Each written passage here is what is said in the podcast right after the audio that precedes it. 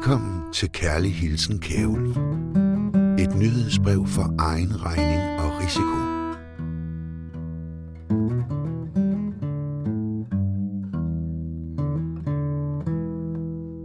Genetisk slægtsforskning. Det lyder til forladet ikke? For slægtsforskning har noget hyggeligt og pensionistagtigt over sig. Noget helt uskadeligt. Men det er det ikke. Og historien om det begynder i 2012. I 2012 der siger Peter Skårup, dengang retsordfører i Dansk Folkeparti, at han ønskede at udvide det danske DNA-register fra politiets daværende små 10.000 prøver, der kun omfattede tidligere dømte, til ja, alle danskere. Dels skal alle nyfødte spædbørn optages, så vi med tiden får registreret alle Dels skal der også være mulighed for at blive optaget frivilligt, så politiet i kriminalsager kan udelukke en masse mennesker med det samme, sagde altså Skårup i 2012 til Computer World, og dengang, ja, der blev det skudt ned af blandt andet Socialdemokrat Ole Hækkerup. Jeg går ikke ind for et landsdækkende DNA-register, fordi vi skal finde en balance mellem vores registrering og borgernes frihed. Vi antager jo, at folk er fornuftige og opfører sig ordentligt, indtil det modsatte er bevist, sagde Ole Hækkerup, og han fortsatte. Kriminaliteten var jo også utrolig lav i det tidligere Sovjetunionen, men folks frihed vægter altså højt i denne sag. Men det var i 2012. Nu er frihed ikke det, der står øverst på nogens dagsorden, for siden da, der har en anden Hækkerup, Nick Hækkerup, som bekendt, i fuld offentlighed erklæret, at overvågning er frihed mens han var justitsminister. Så nu er der tydeligvis helt andre boller på såben.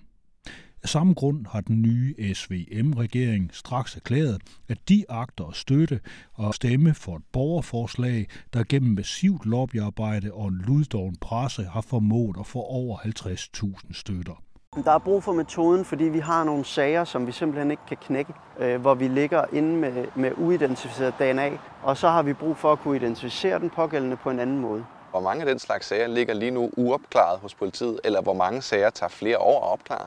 Jeg kan ikke udtale mig sådan om et præcist antal. Det vil være sådan en overtrædelse af min tavshedspligt. Men vi har flere uidentificerede gerningspersoner til drab, og vi har også det samme til voldtægter.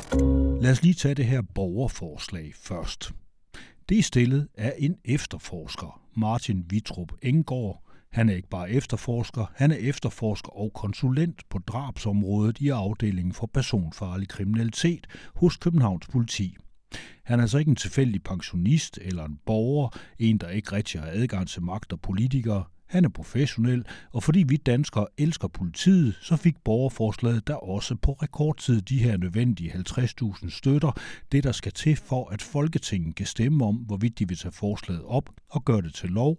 Og når det er muligt, så er det fordi medierne har givet borgerforslaget og efterforskeren temmelig ukritisk medvind. Metoden går ud på at tage et DNA-spor fra en ukendt gerningsmand – Derefter sender man DNA-sporet til en amerikansk slægtsforskningsdatabase. Hvis nogen af gerningsmandens fjerne slægtninge ligger i databasen, vil der være et match. Og så kan man bygge hele gerningsmandens familietræ op ved hjælp af traditionel slægtsforskning. Og til sidst identificere gerningsmanden. Metoden vil kunne opklare alt fra Emilie Mengdrabet og alle andre uopklarede og ubehagelige sager, lyder det, der tales om enorme potentialer og et fantastisk værktøj til politiet.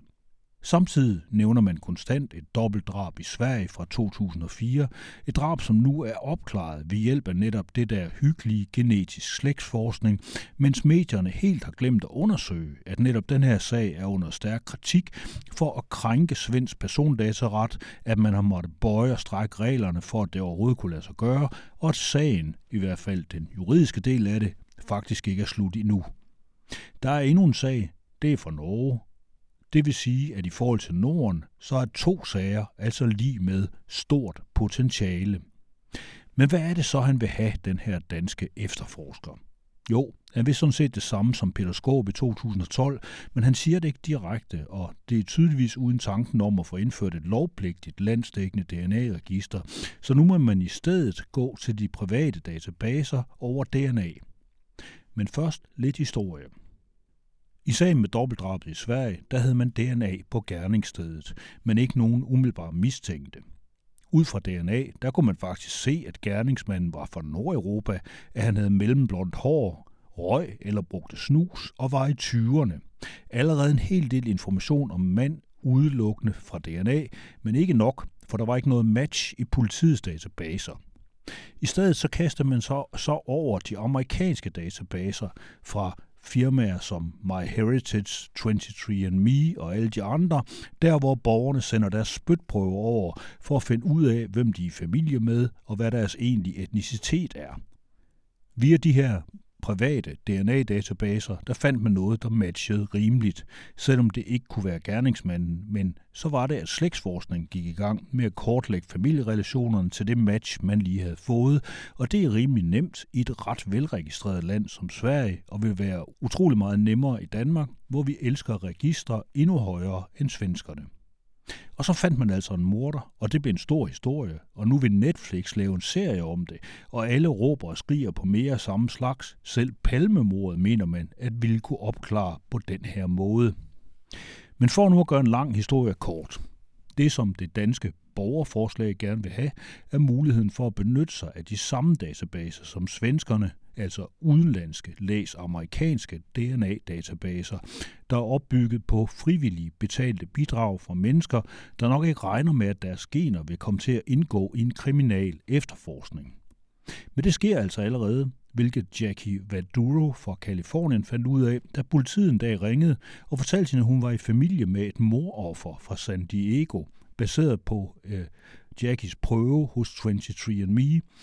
Jackie kendte kvinden Ingen i hendes familie havde overhovedet hørt om hende, men efter lidt genetisk slægtsforskning, så mente politiet at kunne konstatere, at kvinden var et hemmeligt resultat af sådan et love child efter en hidtil ukendt affære fra hendes ellers højt respekterede bedstefar. Okay, so I sent in my DNA to the detectives, and within like 30 minutes, they had called me back and they were like, Jackie, thank you so much. This is the biggest break we've gotten in this case in a whole year. You are a DNA match to our Jane Doe victim. She was your second or third cousin. Again, we still don't know who she is, have no idea where she came from. They think she's an illegitimate child, which is why no one's reported her or anything. But now they need my mom's DNA to cross reference and check if she's from my mom's family or my dad's family, which they don't know because the victim is Italian and Mexican, just like me. And her Mexican roots are from Jalisco, which my mom was born in Jalisco, Mexico too. So they have no idea what side of my family she's from. But they're super excited and they're super grateful that I was able to help them. And so, yeah, so now this is a whirlwind of, of a week that it's been, and this is what we found out so far. And um, we just got to get my mom's DNA test in. She has a 23andMe test that I bought her for Christmas. Um, so next step is to get her DNA tested and to see if she's a match to my mom's family. So crazy. So follow along. I'm to keep updating you guys, and hopefully we get to solve this cold case murder together. Og så ved jeg godt, kære læser, at du tænker, jamen så mange prøver kan der da ikke være i en amerikansk database.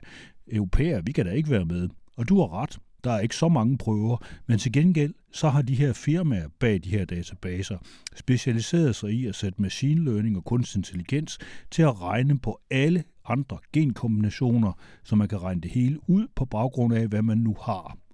Dermed så kommer alle med. Man kan forbinde folk til hinanden, og det kan derfor godt være, at du og din nærmeste slægtning aldrig har afleveret noget som helst, men hvis en fjern eller måske endda ukendt slægtning har et love child i USA, ja, så er du altså også med i den her database. Nu er borgerforslagsstilleren jo fra politiet, og han ved godt, det er problematisk at få lov til at rode i amerikanske databaser. En ting er legaliteten i det, noget helt andet er, at man ikke sådan kan fyre en dommerkendelse af til USA. Og så må man op med læderet, som vi siger i Jylland. Der skal betales ved kasse 1, og det bliver nok ikke et helt billigt bekendtskab. Men det har politiet, undskyld, borgerforslaget allerede taget højde for. Man foreslår simpelthen, at man kan lave et frivilligt DNA-register, så de borgere, der ikke mener, de har noget at skjule, og som derfor kan bidrage ved at udelukke sig selv som mistænkte, eller ved at være den slægtning, der via sit DNA fører politiet på sporet af en gerningsmand, kan bidrage helt selv. Etisk set så er frivilligheden i det forslag til at overse.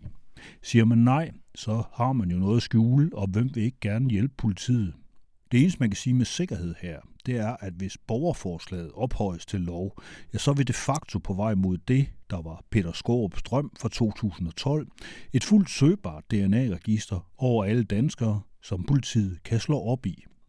Og det register kan blive enormt meget mere omfattende, for der er andre ting i gang. Imagine a world without murder. I lost my best friend. I lost my I aunt. lost my dad. I lost my father. I lost my wife. Just six years ago, the homicide rate in this country had reached epidemic proportions. It seemed that only a miracle could stop the bloodshed. But instead of one miracle, we were given three the precognitives. Within just one month under the pre crime program, the murder rate in the District of Columbia was reduced 90%. They were going to be waiting for me in the car. He was gonna rape me. I was going to be stabbed. Right here. Within a year, pre crime effectively stopped murder in our nation's capital. In the six years we've been conducting our little experiment, there hasn't been a single murder. And now pre crime can work for you. Politiets ønsker om genetisk slægtsforskning falder nemlig sammen med et andet, meget lidt beskrevet projekt. Det hedder det store multigenerationsregister, og det er noget, som Rigsarkivet og sponsoren Novo Nordisk er i gang med at konstruere ud fra en fuld digitalisering af de gamle analoge kirkebøger. Når de engang er blevet digitale, så er forventningen, at man med lidt machine learning vil kunne kortlægge alle danskere og deres ukendte familierelationer helt tilbage fra 1920. Noget, der kommer til at give genlyd over hele landet, når nogle borgere opdager, at deres far ikke er deres rigtige far, og deres mor ikke er deres rigtige mor, og den slags. Jeg håber, de har indsat krisepsykologer. Hvis vi kigger på Afghanistan, ikke, så opbyggede den, den, især den amerikanske her en, øh, en meget stor DNA-database over hele befolkningen, ikke, hvem der for eksempel havde samarbejdet med de amerikanske styrker. Og nu er de oplysninger faldet i hænderne på Taliban. Hvis man så tager den her database og beriger den med bare nogle enkelte frivilligt afgivende DNA-profiler, ja, så kommer hele befolkningen jo hurtigt på listen, fordi man kan regne sig frem til alle os andre. Hvilket igen fører Novo Nordisk og Rigsarkivet frem mod deres egentlige mål, som de selv har formuleret på deres egen hjemmeside.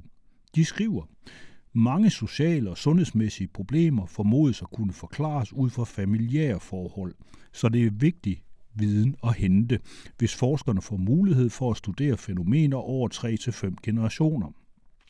Det vil kunne give langt større indsigt i, hvordan arvelige og familiære forhold påvirker blandt andet sundhed og den sociale livsbane, og denne viden vil forskningen kunne bruge til at udvikle bedre behandlinger, herunder udvikling af personlig medicin, som forebyggelse af sociale og helbredsmæssige vilkår. Og hvad er der så galt i det, spørger du? Du, som ikke har noget at skjule. Det skal jeg sige dig. Du mister en rettighed, nemlig den, at du er uskyldig, til det modsatte er bevist. Via de her databaser, så er det jo dig, der skal bevise, at dine gener ikke var på alle gerningssteder i hele Danmark, når politiet søger bredt ud over det hele. Og det er ikke kun dine gener, det handler om, men også dine slægtninges, selv dem du ikke kender noget til, fordi en nådigere fortid har lavet det forblive en hemmelighed. Tænk, hvis du var kongelig. Eller hvis din tip-tip-oldefar var vikingehøvding. Velkommen til Stamtræet. Her kan du vække dit helt eget stamtræ til live. Tag en selfie eller vælg en figur. Skriv et par oplysninger om dig selv. Og tilføj forældre, søskende, bonussøskende, bedsteforældre og kæledyr. Prøv en gang. Du kan sikkert lære noget nyt. Rigtig god fornøjelse. Da jeg var barn, der blev vi altid fortalt, at det værste, der kunne ske for en, det var, at man kom i forbryderalbummet. Forbryderalbummet, det var der, hvor dømte og sigtede boede i politiets kæmpestore arkiver med billeder og fingeraftryk og det hele. Men det var jo netop for forbrydere. I fremtiden, der bliver det os alle sammen, der sidder inde i det album, hvis vi ikke får styr på etikken i en fart, og indser, at det er altså ikke alt, man kan gøre, som man skal. Følger man den her logik til dørs, så skal vi lige øh, se at få os en chip i nakken alle sammen. En chip, der hele tiden fortæller, hvor vi er.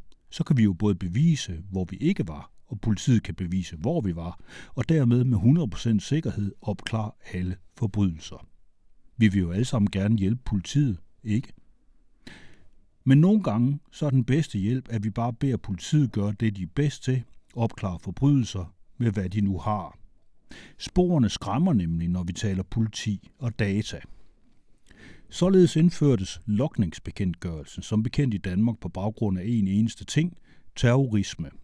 For at dæmme op for det, var det dengang i 2004 helt afgørende, at teleselskaberne gemte alle danskers opkalds- og sms-historik, og hvor vi var hen imens vi sendte dem eller ringede nogen op. Og ganske få år senere, ja, så blev den her lokning, som i sin tid blev indført for at stanse terrorisme, den blev bare brugt til opklaring af alle slags forbrydelser, helt ned til cykeltyverier, og det er nemmere end at købe en liter mælk og få en dommerkendelse til det. Hvad værre er, lokningsdata har vist sig at være forkerte. Således tilbragte en ung kvinde 11 måneder i varetægtsfængsel, fordi hendes telefon havde været i nærheden af en mast nær et gerningssted. Men det var en fejl. Telefonen var sprunget 30 km fra en mast til en anden. Og det blev værre endnu, da det viste sig, at 10.000 sager, hvor man havde brugt teledata til domfældelse, de skulle gennemgås igen, fordi målemetoden havde været systematisk fejlbehæftet. Der gik jo faktisk over 20 år, før man fik identificeret ham. Tænk så, hvis vi kunne undgå alle de ofre ved at få taget sådan en mand til ansvar. Det gør faktisk lidt ondt at vide, at der ligger sådan et værktøj her, og at man bare skal række ud efter det og bruge det, men at man ikke må. Jeg takker, fordi du har hængt på så længe. For jeg ved, det er meget nemmere at sige, du ikke har noget at skjule, og det næsten er umuligt at sige nej til noget, der i øvrigt uden dokumentation, påstår, at det kan skaffe retfærdighed og opklaring af vanskelige, brutale sager, og jeg er desværre også ret overbevist om, at det her såkaldte borgerforslag glider direkte igennem vores overvågning af frihed, folketing og bliver til endnu en lov, der institutionaliserer mistænkeliggørelsen af alle borgere. Jeg tillader mig dog at håbe, at nogle af politikerne er klogere og tænker længere frem i tiden, end den umiddelbare sejrsfornemmelse af at have givet politiet nye værktøjer og måske opklare såkaldt kolde sager. Og hvis det ikke er nok, så håber jeg, at Folketinget tager sig den tid, der skal til for, at loven udformes, så den i det mindste overholder samtlige konventioner omkring persondatabeskyttelse, og ikke mindst, at alle data slettes igen, når en sag er slut. Det er efter min mening det allermindste, man kan forlange, når ordensmagt og politikere gerne vil lege med vores store genomer, også nogle gange med andre formål end dem, der måske ser ud til at være dem, vi ser lige nu og her. Og burde vi ikke stadigvæk antage, at folk er fornuftige og opfører sig ordentligt, indtil det modsatte er bevist, som Ole Hækkerup sagde, mens han mindede os om forholdene i det tidligere Sovjetunionen. For det er vel ikke der, vi har lyst til at bo. I've had dreams that weren't just dreams.